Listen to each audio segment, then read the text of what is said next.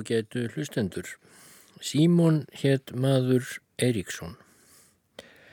Hann var lengst af bóndi í Littladal í Skagafyrði, fættist árið 1843 og andaðist 1924 rétturumlega áttræður.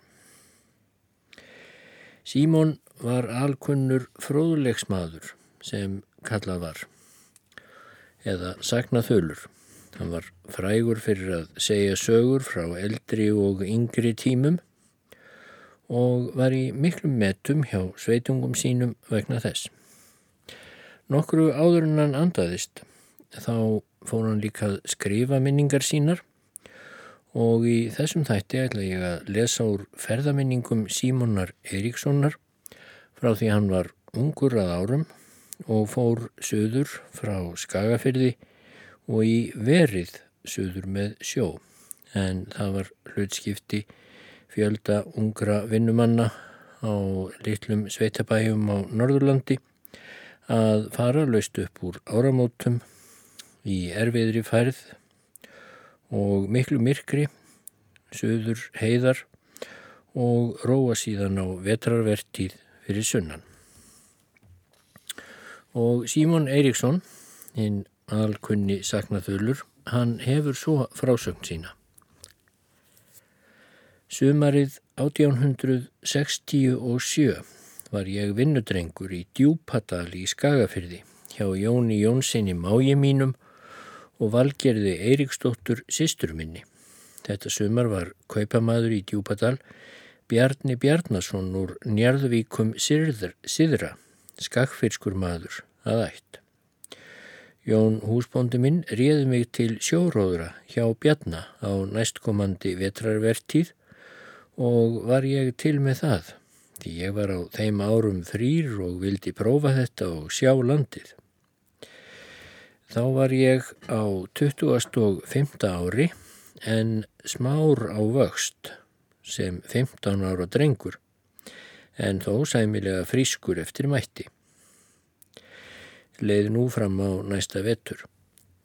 Á þeim tímum voru tíðar söðurferðir á vetrum til sjóróðra af ungum mannum nyrðra.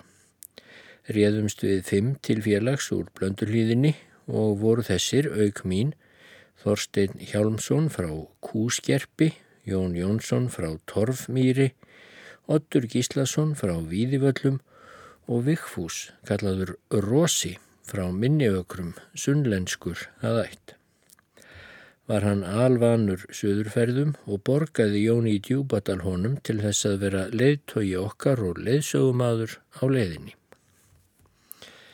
Við Ottur Gíslason frá Víðivöllum vorum félagar og vinir. Við höfðum mötu okkar og plögg á gráum hesti sem ég hafði fengið í djúbatal og Jón átti. Hafði ég feiti sem þá var síður til tvekja vertíða vetrarvertíðar og vorvertíðar því þær báðar átti ég að róa með Bjarna vinnumanni Jóns. Þá gerðum en sig sjálfur út. Lagði ég nú á stað frá Dal á 50. kveldi í annari viku Þorra, það er 7. februar 1868 og man ég vel þau blessunar orð sem móður mín þuldi yfir mér þá hágrátandi og tarfældi ég líka. Fór ég að höskuldstöðum og gisti þar og er það stuttleið. Þar bjó Stefán bróður minn og var fadur okkar þar til heimilis hjá honum. Dægin eftir komu félagar mínir allir og veitti Stefán bróður okkur vel, kaffi og vín, voru þá drengir kátir og hviðu engu. Hvati ég bróður og föður í hlaðvarpanum, bað hann mig treysta guði, sá ég þá renna tár niður kinnar föður míns. Ekki komst ég neitt við af því, því þá var bakkus í kollinum á mér. En er við gengum ofan frá bænum, kallaði fadur minn til Odds og bað hann fyrir mig, því hann treysti honum vel. Oddur var með hæstu mönnum að vexti, en grannvaksinn, fríður sínum og hjartagóður, vorum við bestu vinnir og oft saman í ferðum. Heldum við nú ofan að héraðsvötnunum og var Vigfús í fararbrotti og var staflaus en ég hafði stafstöyd. Bað hann mig að ljá sér hann til að reyna vötnin sem ég og gerði. Fórum við nú áfram og var farið að rökkva er við komum upp að valagerði. Kom okkur saman um að skipta okkur á bæi, fór Ottur að Valadal, Þorstein og Jón að Vaskarði, Vigfús að Vasslíð en ég að valagerði með hestminn. Þar bjóð þá Stefán Gíslason, fadir Fridrik sem síðar var alþingismadur skakfyrðinga. Stefán bjóð þar með ráðskonu Lilju Gísladóttur hafði hún áður verið vinnukona foreldra minna. Fekk ég þar hinnar bestu viðtökur var Stefán Gamallordin en kátur og ræðin hafði hann oft róið suður og saði mér margar svaðilfara sögur af þeim ferðum og leist mér þá um stund ekki á blikuna. En hann lagði mér mörg heilræði því margar væru tálsnörur í þessum ferðum en er hann var sem óðast að rauðsa yfir mér, kom ottur og síðan hinnir frá Vaskarði. Lóðum við nú vestur yfir Vaskarð, en er við komum á Háskarðið, leiti ég tilbaka og varðað orði líkt og gunnari forðum, fögur er nú blöndur hlýð og aldrei sem nú. En félagar mínir hlóðaða mér. Gengum við nú ofan í Svartárdal yfir blöndu á ís hjá tungukoti ytra, og þvert yfir ásinn fyrir framann tungunis var þá komið kveld. Þeir Þorstein og Jón gistu á Svínavatni, Vigfús í Sólheimum en við ottur fórum að auðkúlu. Þar bjóð þar uh, Jón Prófastur Þorðarsson tók hann okkur mjög vel. Var okkur vísað í hús lítið, gengt stofu þeirri er hjónin og börn þeirra heldu til í undir baðstofulofti því portbyggð var baðstofan en hitt fólkið var á loftinu. Prófastur kom til okkar, var ræðinn og spurði margs úr skagafyrði, voru þeir svilar, hann og ekkert brím, síslumadur skagfyrðinga sem þá bjóðað hjáltastöðum. Pró, prófastur spurði hvaðan við værum, Ottur taldi sig frá Víðivöllum en ég frá Djúpadal.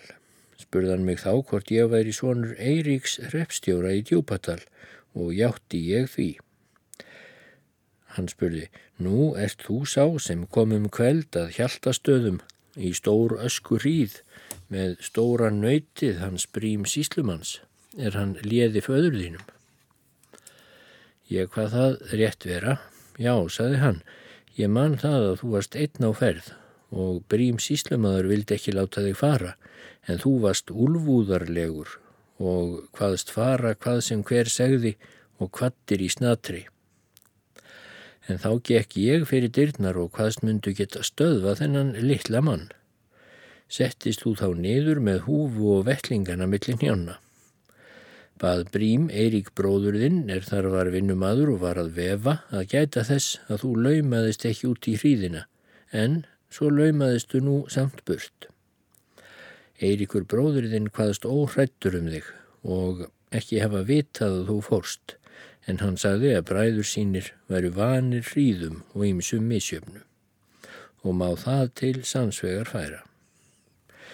Rætti prófastur svo lengi við okkur um kvöldið, morgunin eftir var skafrenningshríð, bjökumst við til ferðar og spurði Ottur hvað greiðin kostaði en prófastur hvaðst aldrei selja nætur greiða baðan mig að taka af sér bók til sér að Jóns Kristjánsson er í Steinnesi og munið því þar fá tuggu handa hestunum. Kvattan okkur og hljópi í skafhríðinni sem ungur maður væri áleiðist til Svínavatns en þar ætlaðan að messa um daginn.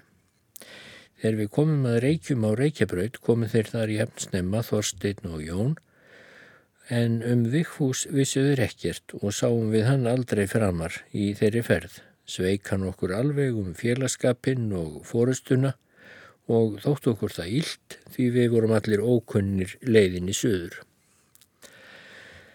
Á reykjum bjó Egil Haldursson guldsmiður, stór og karlmannlegur maður. Hann veitt okkur kaffi en hei handa þremur hestum því Þorstein og Jón voru með sinn hestin kvor og vildan enga borgun fyrir. Þaðan heldum við að stóru giljá og báðum við þar um gistingu því þá dimdi að með hríð.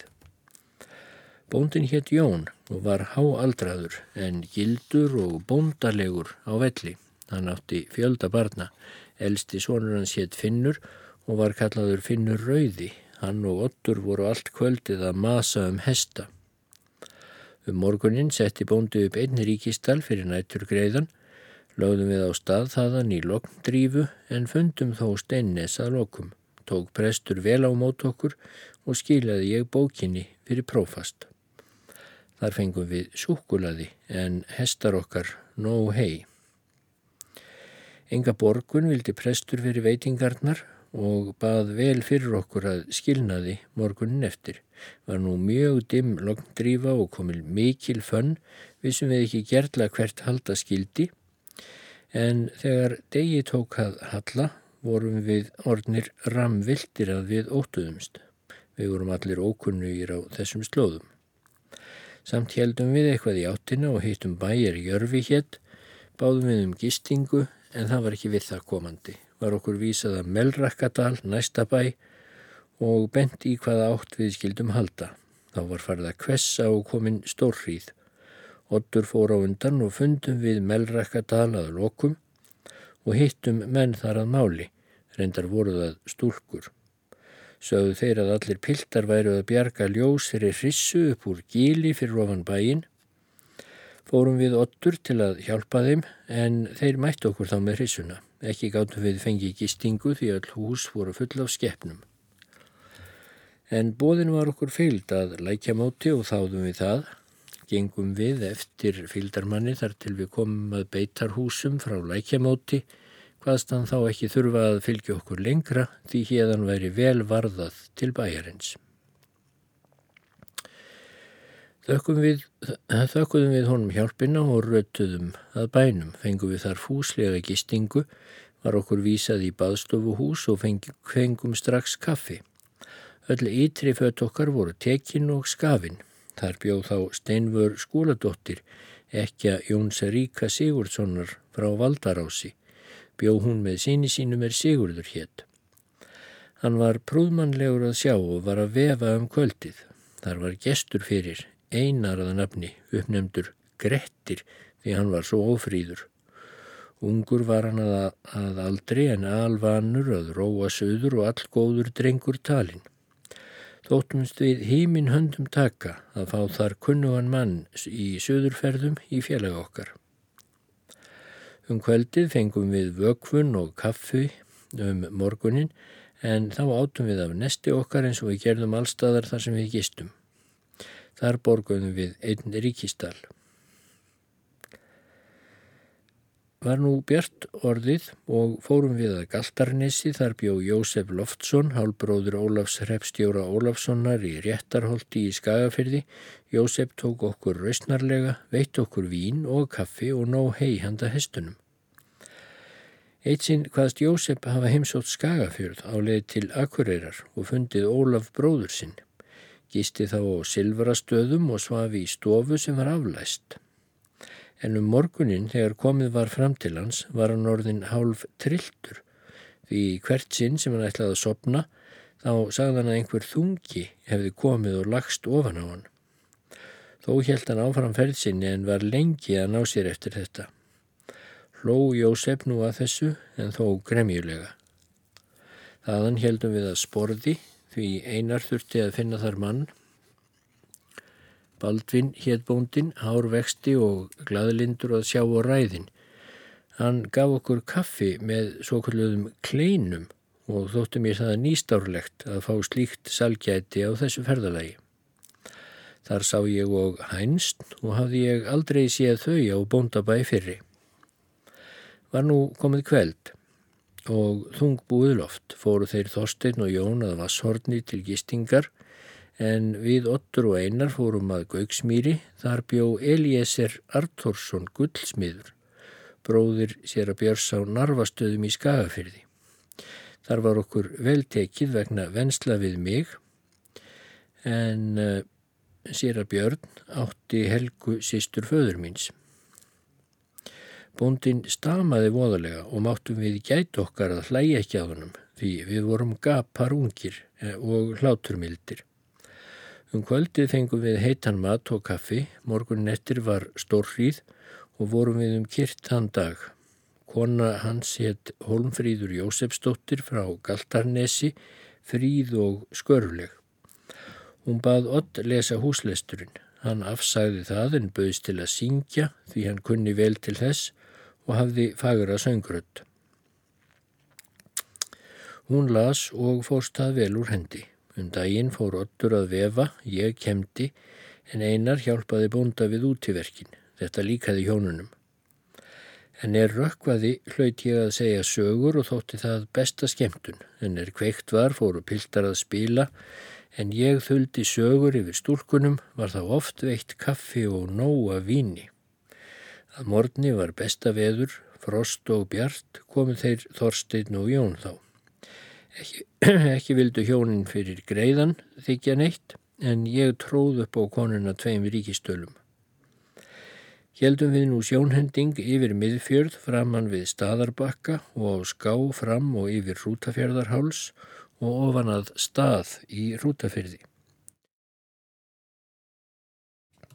Fengu við þar gistingu og var þá komið rökkur, hafði færi verið all gott þann dag á köplum. Bóndi þar hétt Þórður og heyrði að var illa. Þar var líka prestur, brandur að nafni, hann var þá út á borðeiri. Baðstofan var portbyggð og var stofa prests undir lofti. Það var samningur okkar félaga að ottur gengi fyrstur inn á bæjum en ég síðastur. Þegar við komum upp á pallskörina satt þar á rúmi kona einn all gjörfileg og prjónaði. Þeir helsuð henni og þúuð hana. Ég hugði þetta presskonuna því hún var mjög vel búin og hafði gildan gullbaug á hendi. Árætti ég að þjera konu þessa, tók hún því og glotti við, en ég hálf fyrirvarð mig ef ég hefði gert eitthvað ránt. Rétt á eftir heyrðist stígvila trampi í stofunni og hvarf þá konan, var þar prestur komin, drukkin og var vondur í skapi. Kaffi fengum við um kveldið og um morgunin og nóg hei handa hestunum kostaði það ríkistall. Þaðan fórum við að bálkastöðum og fengum þar að drekka. Kom kona út með mjölkurkönnu, varð mér starfsínt á hana og þóttist hafa séðana áður. Spurðum hún úr hvaða sveit við værum og sögðum við það. Hún meldi engan ykkar þekki ég. Við sögðum, hefur þú nokkur tíma komið í Skagafjörð? Já, mælti hún, ég var kaupakona eitt sumar hjá Eiríki Hrepstjóra í Djúpatal. Þá saði ég, þekkjurðu mig ekki, en hún hvað neyfi því. Ég saði þá, ég er hann símsi litli, sonur Eiríks. Gekk hún þá til mín og lagði hendur um háls mér og kisti mig marga kossa og saði, þú, þú varst góður piltur sem allt eitt blessað fólk og vertu hjá mér í nótt en ég sagðist ekki geta slítið félag okkar. Konan hétt Gróa og átti fyrir mann Haldán Jóhansson. Kvöttum við annars svo og sagðu strákarnir að við hefðum torfelt að skilnaði en það var ekki satt þó vel hefði það mátt vera því hún var mér góð þegar ég var lítill drengur. Hjeldum við nú um kveldi til gistingar að Gílhaga og er sábær norðan á Holtavörðu heiði. Þar byggu ung hjón en fátæk með tveimur börnum. Bondi var eigi heima en konan sað okkur alla velkomna. Tveir vermenn voru þar áðurkomnir og við vorum sjö gestirnir en baðstofan afar lítil með þremur rúmum sem öll voru stór. Þar fengum við strax kaffi, var konan gladlind og kátt. Þegar átt að fara að hátta fóru þrýr í eitt rúmið og tveir í annað Þá vorum við ottur rúmlausir. Þá saði konan að ottur yrða búum sig á golfinu en sað hún þessi litli snáði á að sofa hjá mér tilfættis þó greið laumist upp í til mín hjá mér þá sakar það lítið og varða nú að hátta drengur minn. En ég afsæði það með öllu og hvaðst heldur vilja fara út í hesthús og sofa þar hjá grána mínum þó ég væri myrkfælin heldur en láta það berast norður að ég færi að kvíla hjá konum var nú mikið hleið að þessu. Þá sagði konan og hló við að við ottur yrðum að búa um okkur á reyðingstorfum á golfinu, gerðum við það og tókst vel. Þá sagði konan, mikið er logið frá norrlendingum ef engin ykkar vil sofa hjá mér. Þá kvíslaði ég að Otti. Mikil bölfuð stráka flenna er þessi kona en Ottur bað mig þeia. Um morgunin snemma gáum við hestum okkar en er við komum inn aftur var bóndi komin og satt á rúmi sínu með vettlinga á höndum. Þá sagði konan honum að engin okkar hefði viljað sofa hjá henni þótt hún bytti þess en hann sagði það ómannlegt að verði ekki við bón hennar og varð hlátur úr þessu öllu. Laskan þjála léttir lundlættir tálið dvína venar jála vænastum verð mér sálu mína. Við borgaðum þarna vel fyrir okkur og lögðum svo heiðina. Var hinn mesta fönn og óferð, svo við urðum ofta að bera af hestunum þar sem dældir voru. Alltaf hæðarsteini, þá fór að skána færið ofan að fornakvami. Þar fengum við kaffi, síkur laust í afarstórum pörum og stóran kandi síkurmóla með. Það kostiði fjóra skildinga. Einar hétt búndin í fornakvami og bjóð þar lengi, stórvexti. Heldum við nú að sveinatungu og þar yfir ána og fór nú að rökkva. Þar skildu húnvetningarnir þrýr við okkur. Fórum við hinnir að hárekstöðum og gistum þar. Bjarni hétt bondin Einarsson. Bjarni var meðalmaður á hæðin, afar þrekkin og herðamikill. Með rapsvart hárir tók hon á herðar, viðfeldin maður og ræðin. Hann átti mörg börn og voru sínir hans káttir og efnilegir. Var spilað um kveldið og veitt kaffi og vín en ég sagði stúlkunum sögur. Ekkert seldi bóndi gistinguna nema heið. Lögðum við nú yfir grjótháls, var þá þygt loft og drungalegt, en er við sáum í þverárhlýð og skógin þar, þóttu mér sem ég sægi í myrkrið, hafði ég eigi séð skó fyrir. Fór nú að fjúka all mikill, komum við að helgavatni og föluðum gistingu og fengum hana. Þar bjó háaldraður bondi, Þorbjörn að nafni Sigurdsson, grár fyrir hærum en mjög fyrirmannlegur og góðmannlegur. Um kveldið fengum við enginlegt borðhald.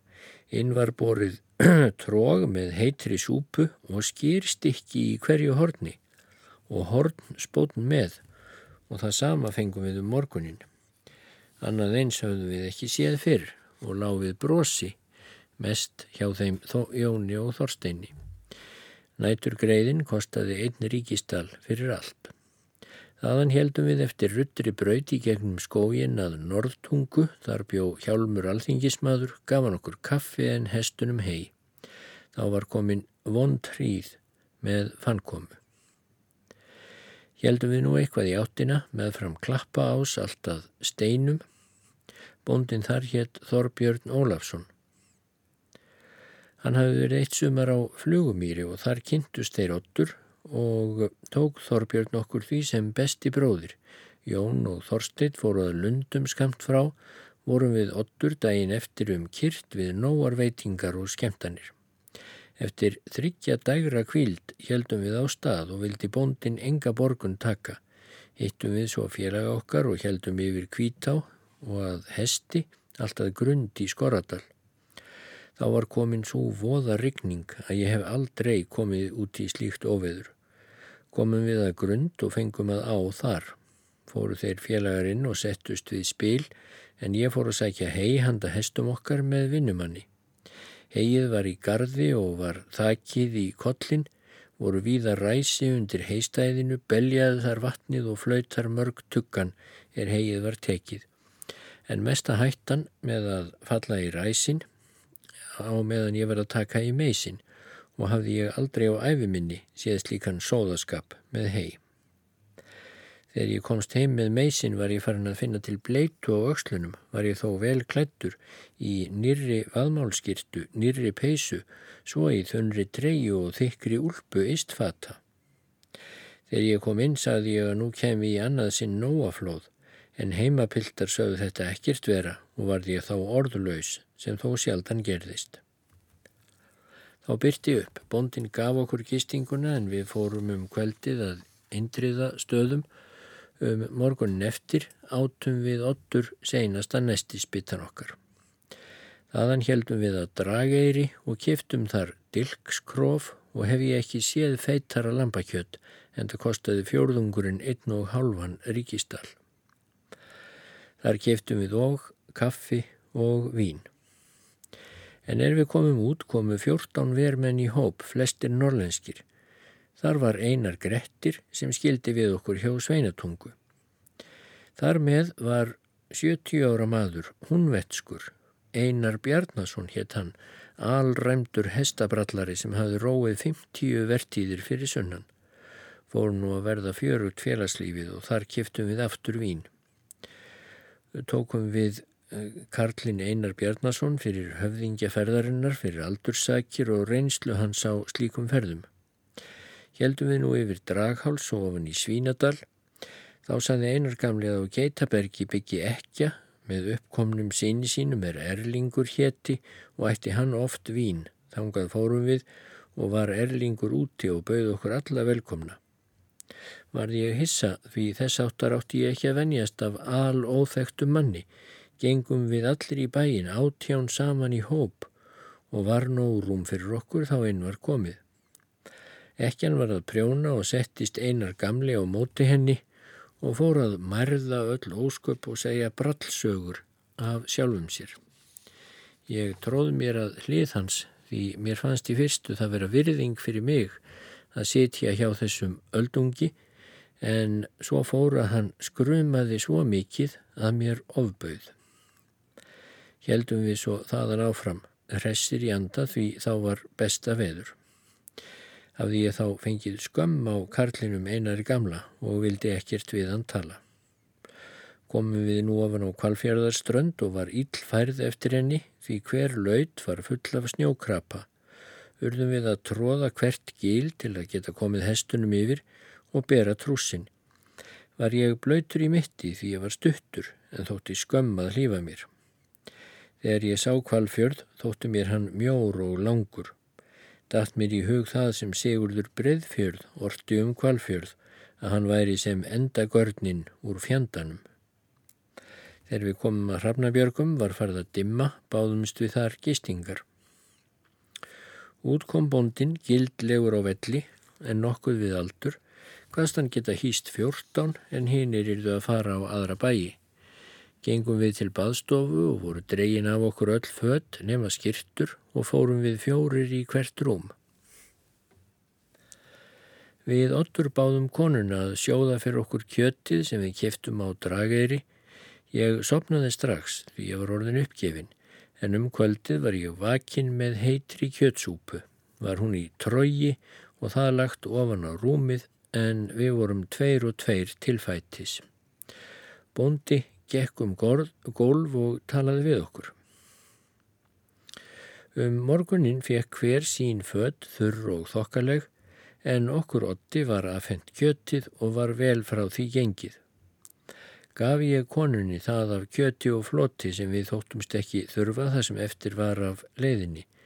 Spurði við nú hvað allur þessi mikli greiði kostaði en hann vildi ekkert tyggja en farið yfir fjörðin sagðan hins vegar að kostaði tvö mörg fyrir hvern mann sem fluttur yrði e, á bát yfir fjörðin því það gerðu afbæjarmenn en ekki hann sjálfur. Þá var ofsa rók. Ottur fór með trussinn í bátnum og fóru fjórtán í bátnum yfir fjörðin en við Jón, Þorstein og einar gamli fórum fram yfir fjörðin með hestana.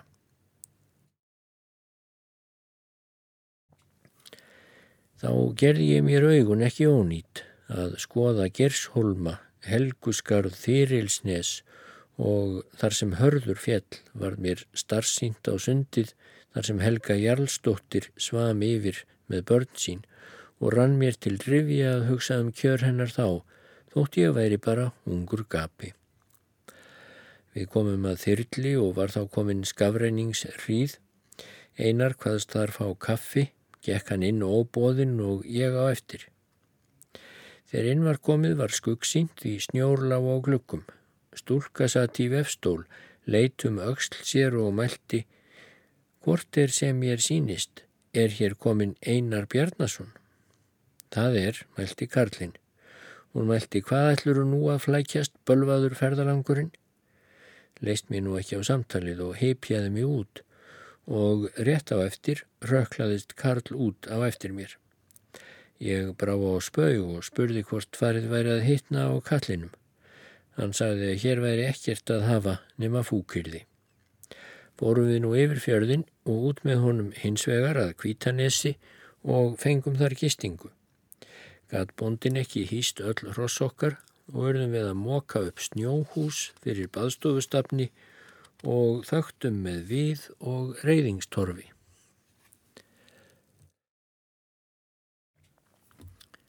Gengum við svo einn til baðstofu og var þar hús í öðrum enda og ljósinni. Sló ljóspyrtunni á gólfið fram í baðstofunni. Einar gamli satt inn í húsinu hjá bóndanum og mærðaði mikill, en við félagar settumst á rúm, gengt baðstofutýrum og fórum að taka okkur bytta. Dimt var í hinum enda baðstofunar. Þá bar fyrir mig svo sjón sem ég mun aldrei gleima. Það kom maður skrýðandi á öðru hnið og öðrum olbóganum og stakk niður vinstra handlegg og bar þó hátt höfuðið, skein í snjókvít augun en andlitið var rukkótt og kvítt eins og eldiskinn. Svona skreið mannvesalingur þessi fram og inn aftur. Við þessa sjón brá mér svo að ég misti alla matarlist og hætti að borða og var ég þó svangur. Félagar mínir kýmdu að mér og heldu áfram að borða eins og ekkert væri. Á eftir fengum við kaffi og restið það mig nokkuð, var ég þó döfur um kvöldið og talaði lítið. Ung stúlka sem stundaði gamla mannin, sem ég hafði séð þarna á gólfinu, kom til mín og spurði mig hvort mér væri ílt. Ég hvað nei við en leti ljósa ég kendi svo í brjóstu um gamlamannin og því liði mér svo illa. Þetta heyrði Karlinn og baðan mig að tala við sig. Hann spurði mig um ætt mína og þegar hann heyrði að séra Eiríkur á staðarbakka væri afi minn þá hvaðst hann einu sinni hafi verið sóknarbarn hans og hrósaði afa mínum mikið talaði ég allengi við hann og skemmt honum það ég gatt. Stúlkan saði mér að maður þessi væri búin að þjást af limafallsíki í 30 ár og hefði verið sjónlaus í 20 ár, fannst mér það mikill kross en maðurinn bar hann þó með stakri ró. Síðar frétti ég að maður þessi sem Grímur hétt Grímsson og var þá 60 ára, hefði dáið halvum mánuðu síðar en ég talaði við hann. En heldum við nú burt frá þessum bæ og að kvammi og kom ottur þar á móti mér gladur í anda. Frá kvammi fórum við fjórir félagar einir sér, var þá besta veður og fórum við að hálsi í kjós og þar yfir litla á voru þar stúlkur nokkrar við þvott. Pillarnir fóru að spauga við þær og sagði þá einn þeirra lengi hafi þið opinn kjaftin skakfyrðingar. Þeir þauðu en ég sagði hvernig veistu að við erum frá skagafyrði? Hún mælti málfæri ykkar lýsir því. Þá sagði ég þú ert sjálfsagt í ætt við ambáttirnar sem ertu hann Pétur Postul að forðum. Hún hló og mælti Þú svarar einhver tíma fyrir þig orði, litli strákur, og líkar mér vel við þig. Svo heldum við að uppkoti í eirarkverfi, þar gátt ekki nema þrýr fengið gistingu. Stattur var þar ungur bondi, tomthúsmaður, er átti heima niður við sjó, þar sem hétt á eiri. Hann hétt Ólafur og var ítla blestur á máli. Bauð hann mér gistingu og þáði ég það fúslega, Hann bjó í litlu timburhúsi og átti unga konu, fríða og gladlega. Þar var allt mjög þrifalegt. Fekk ég strax sætt kaffi með brauði og skömmu síðar hrísgrjónagraut með rúsínum og brytjað kveitibrauð ofan í og sama um morgunin. Þetta þótti mér góð gisting. Konan bað mig segja sögur, bara hvaða ruggl sem væri. Sparaði ég það ekki og let munnin mása allt kveldið og hlóu hjónin dáttað sömu, engum sögunu af heimska prjámusi. Um morgunin vildu þau enga borgun en ég netti konuna til að taka við hálfum dal hvaðust þau aldrei hafa hýst skemmtilegri gest en mig. Fór ég nú að uppkoti og sátu þeir félagar þar í mestu makindum að spjalla við stúlkur, heldum við nú þaðan í skafrenningi litlum, komum í bæjardir á bæ sem ég vissi ekki hvað hétt. Þaðan heldum við á Kjallarnes og komum til gistingar á bæ sem Saltvík hétt. var okkur vísað í ljótan skála fram í bæ og látin hjá okkur grútarlampi og logaði illa á. Þarna sátum við góða stund og hafðum nóg með til skiptis að halda ljósinu lifandi. Eitt sinn er ég gerði að ljósinu, saði ég að þetta væri rétt nefnd Saltvíkur týra. Þeir rákuðu plátur en í því kom stúlka með kaffi og var drempin á sveip. Hún spurði höstuglega hvað ber ykkur til kæti Ég sagði henni hvað ég hefði sagt. Það var von, sagði hún og fór en kom að vörmu spori aftur með gott ljós og spil. Fóru þeir svo að spila. Ég spilaði aldrei en seildist upp á hillu eftir gamalli skruttu og fóru að blada í henni. Virtist mér hún vera um galdra.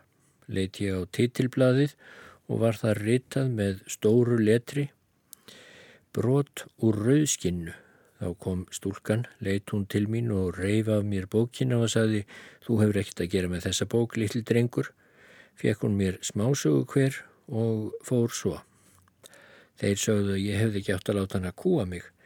Ég svaraði að ég hefði ekki viljað tuskast við svona flagð því hún var bæði há og digur og hefði hún getað stungið mér í pilsklauf sína og keft mig þar. Flaskan svarta það er fylgtakin skart í fínu gleri bjarta gesslógir gefur hjarta mínu.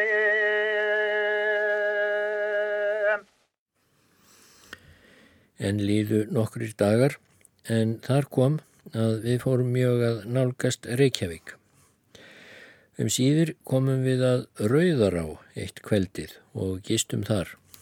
Er það hýð auðmasta bíli sem ég hef nokkur tíma gist á, fullt af sóðaskap og voða ólikt svo okkur láfið köpnun. Fórum við oft út að fá okkur ferst loft. Þótt okkur að sjá þaðan inn til Reykjavíkur sem allstyrndur heimin væri af öllum ljósunum í gluggunum í bænum. Dægin eftir fórum við svo ofan í Reykjavík, gengum við mikið um bæin og skoðuðum hann og ofbauð mér húsafjöldin. Var mér starfsýnt á domkirkjuna og stundaklukkuna á henni og einnig á vindmiluna því líkt óskapa ferlíki. Ég hitti ungdómsvinn minn Pétur Pétursson frá Fremri Kotum í Skagafyrði tók hann mér tveim höndum og veitti okkur nóg vín og tópak. Lánaði hann mér fimm dali því þá var ég orðin peningalös. Hann tók til geimslu dót okkar félagana. Ottur átti mákonu í Reykjavík, er Fridrika hétt og fór hann að heimsækja hanna. Bauðan mér að verða með og gista þar.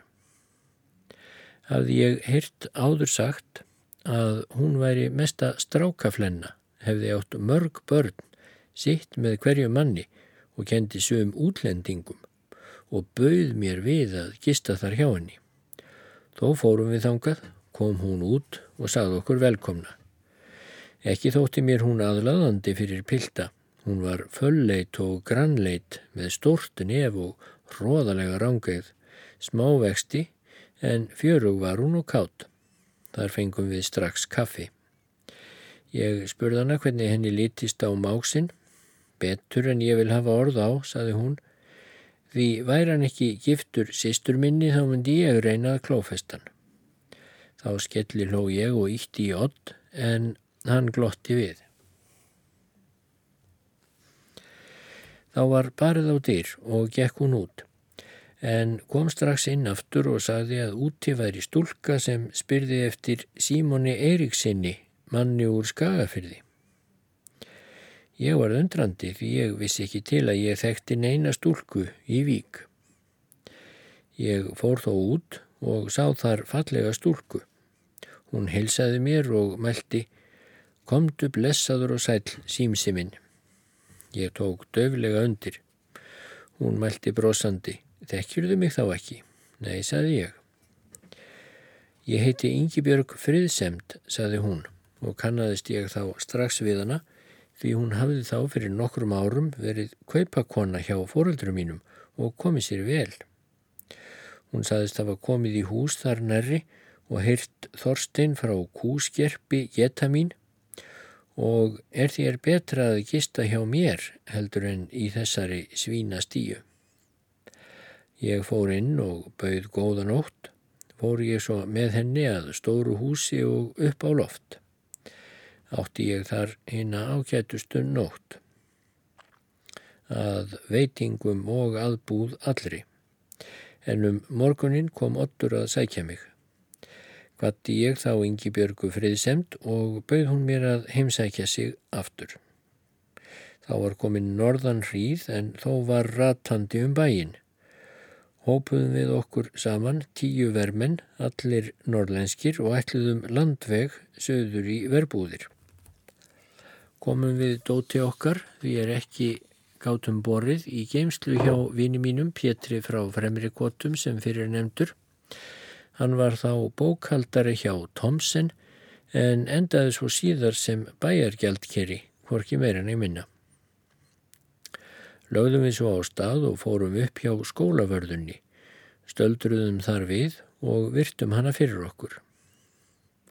Þá meldi Pétur Grímsson úr Sæmundarhlýð Sýnist ykkur ekki ráðlegt félagar að býða til morguns, þá ætlar Ottur Gíslason kandidat að sigla söður til Njarðvíkur á stóru skipi. Hefur hann, fengið, hefur hann gengið til spás við mannþannan, er árni heitir, hann er málhaldur og kallar sig Áa. En árni þessi var sonur Jóns Ríka Árnasonar í ofanleiti í Reykjavík. Hann var hólgóma og talinn hálfbjáni Aldrei var hann fermdur en þó var hann heppin formaður á yngri árum og alveg sérstaklega veðurglöggur að því er mér er sagt. Enda helt Pétur áfram, hann er svo veður spár þá er hann er að sigla að ef hann bendir út til loftið og segir sigla, sigla, þá verður velfært en ef hann bendir nýður og segir nei, nei, þá róa engir og þetta hefur aldrei brúðist. Á þetta fjallumstuð allir og gengum svo aftur inn í bæin að húsi Odds Candidats. Hann sá okkur gegnum glugga og kom út, þótt mér hann fríður, snarlegur og drengilegur á velli.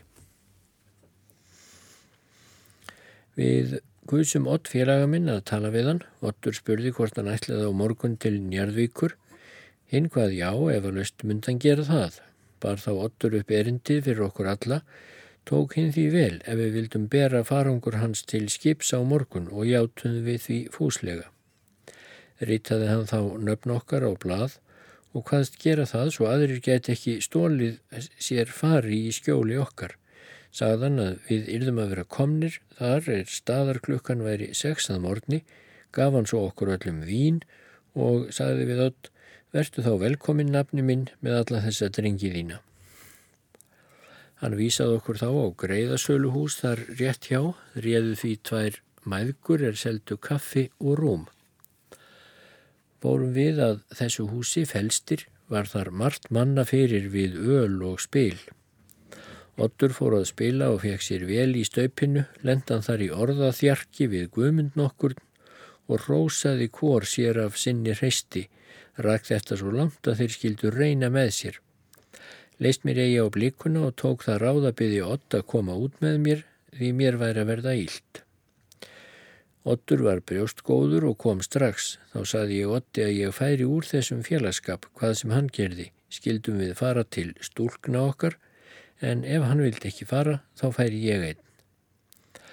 Með þessu hafði ég hann burtu og gengum við austur um bæin var þá komið um háttatíma. Við mættum manni sem spurði því við værum svona sint á ferðum bæin. Ég sagði honum allt sem var og hefði ég viljað hafa mig út úr þessu voða slarki þarna.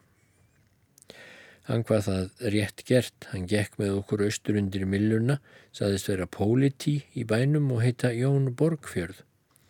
Hann spurði mig eftir ímsu í skagafyrðu og bauð mér til sín klukkan þrjú daginn eftir, en ég hvaðst ekki geta þegi það því för mín væri ráðinn að morgni að sikla söður til njarðvíkur. Kom ég svo otti við Íllandleik til Fridriku því hann var svo drukkin, en ég fór til Yngibjergar friðsemdar og tók hún mér sem fyrr af mestu alúð. Morgunin eftir kvatti ottur mig klukkan hálf fimm og kvatti ég þá Yngibjörgu friðsemt og sá hana aldrei framar. Fórum við nú að vekja hinafélagana og komum að húsi Ott kandidats klukkan 6 eins og fyrirhugað var, kom hann þá með blaðið, spurði að nöfnum okkar og stóð allt heima veitt hann okkur fyrst vín og kaffi en svo fórum við að bera dótans til skips, brauð, kól og alls konar farangur var þetta erfiði mikill því flutningur odds var mikill. Ætlaði hann að dvelja um vertíðinni í Njarðvík söður og bræða lífur og grættan á því stórlega. Þegar allt var komið ofan á sjó fór ég að litast um og þótti mér skipið stort en það var það teinæringur. Þar sá ég mann svo rísavaksinn að mér ofbauð. Það var árni málhaldi, bar hann farangurinn um borð með fleiri mönnum. Allir farþegar voru borðnir um borð svo þeir blotnuð ekki því þá var hríðarveður með grimmu frosti en oft rofaði til lofts. Árni bar okkur ott félaga, sinna á korum handleg og óði í mitti þá var sjógangur mikill. Seinast bar hann ott kandidat og gekk svo upp á land. Þá stóðu skipið í botnað framann því það var mjög hlaðið, kallaði þá ottur til árna að rinda fram skipinu, fór þá árni framann undir skipið og setti bakið við og þannig lagði skipið frá landi.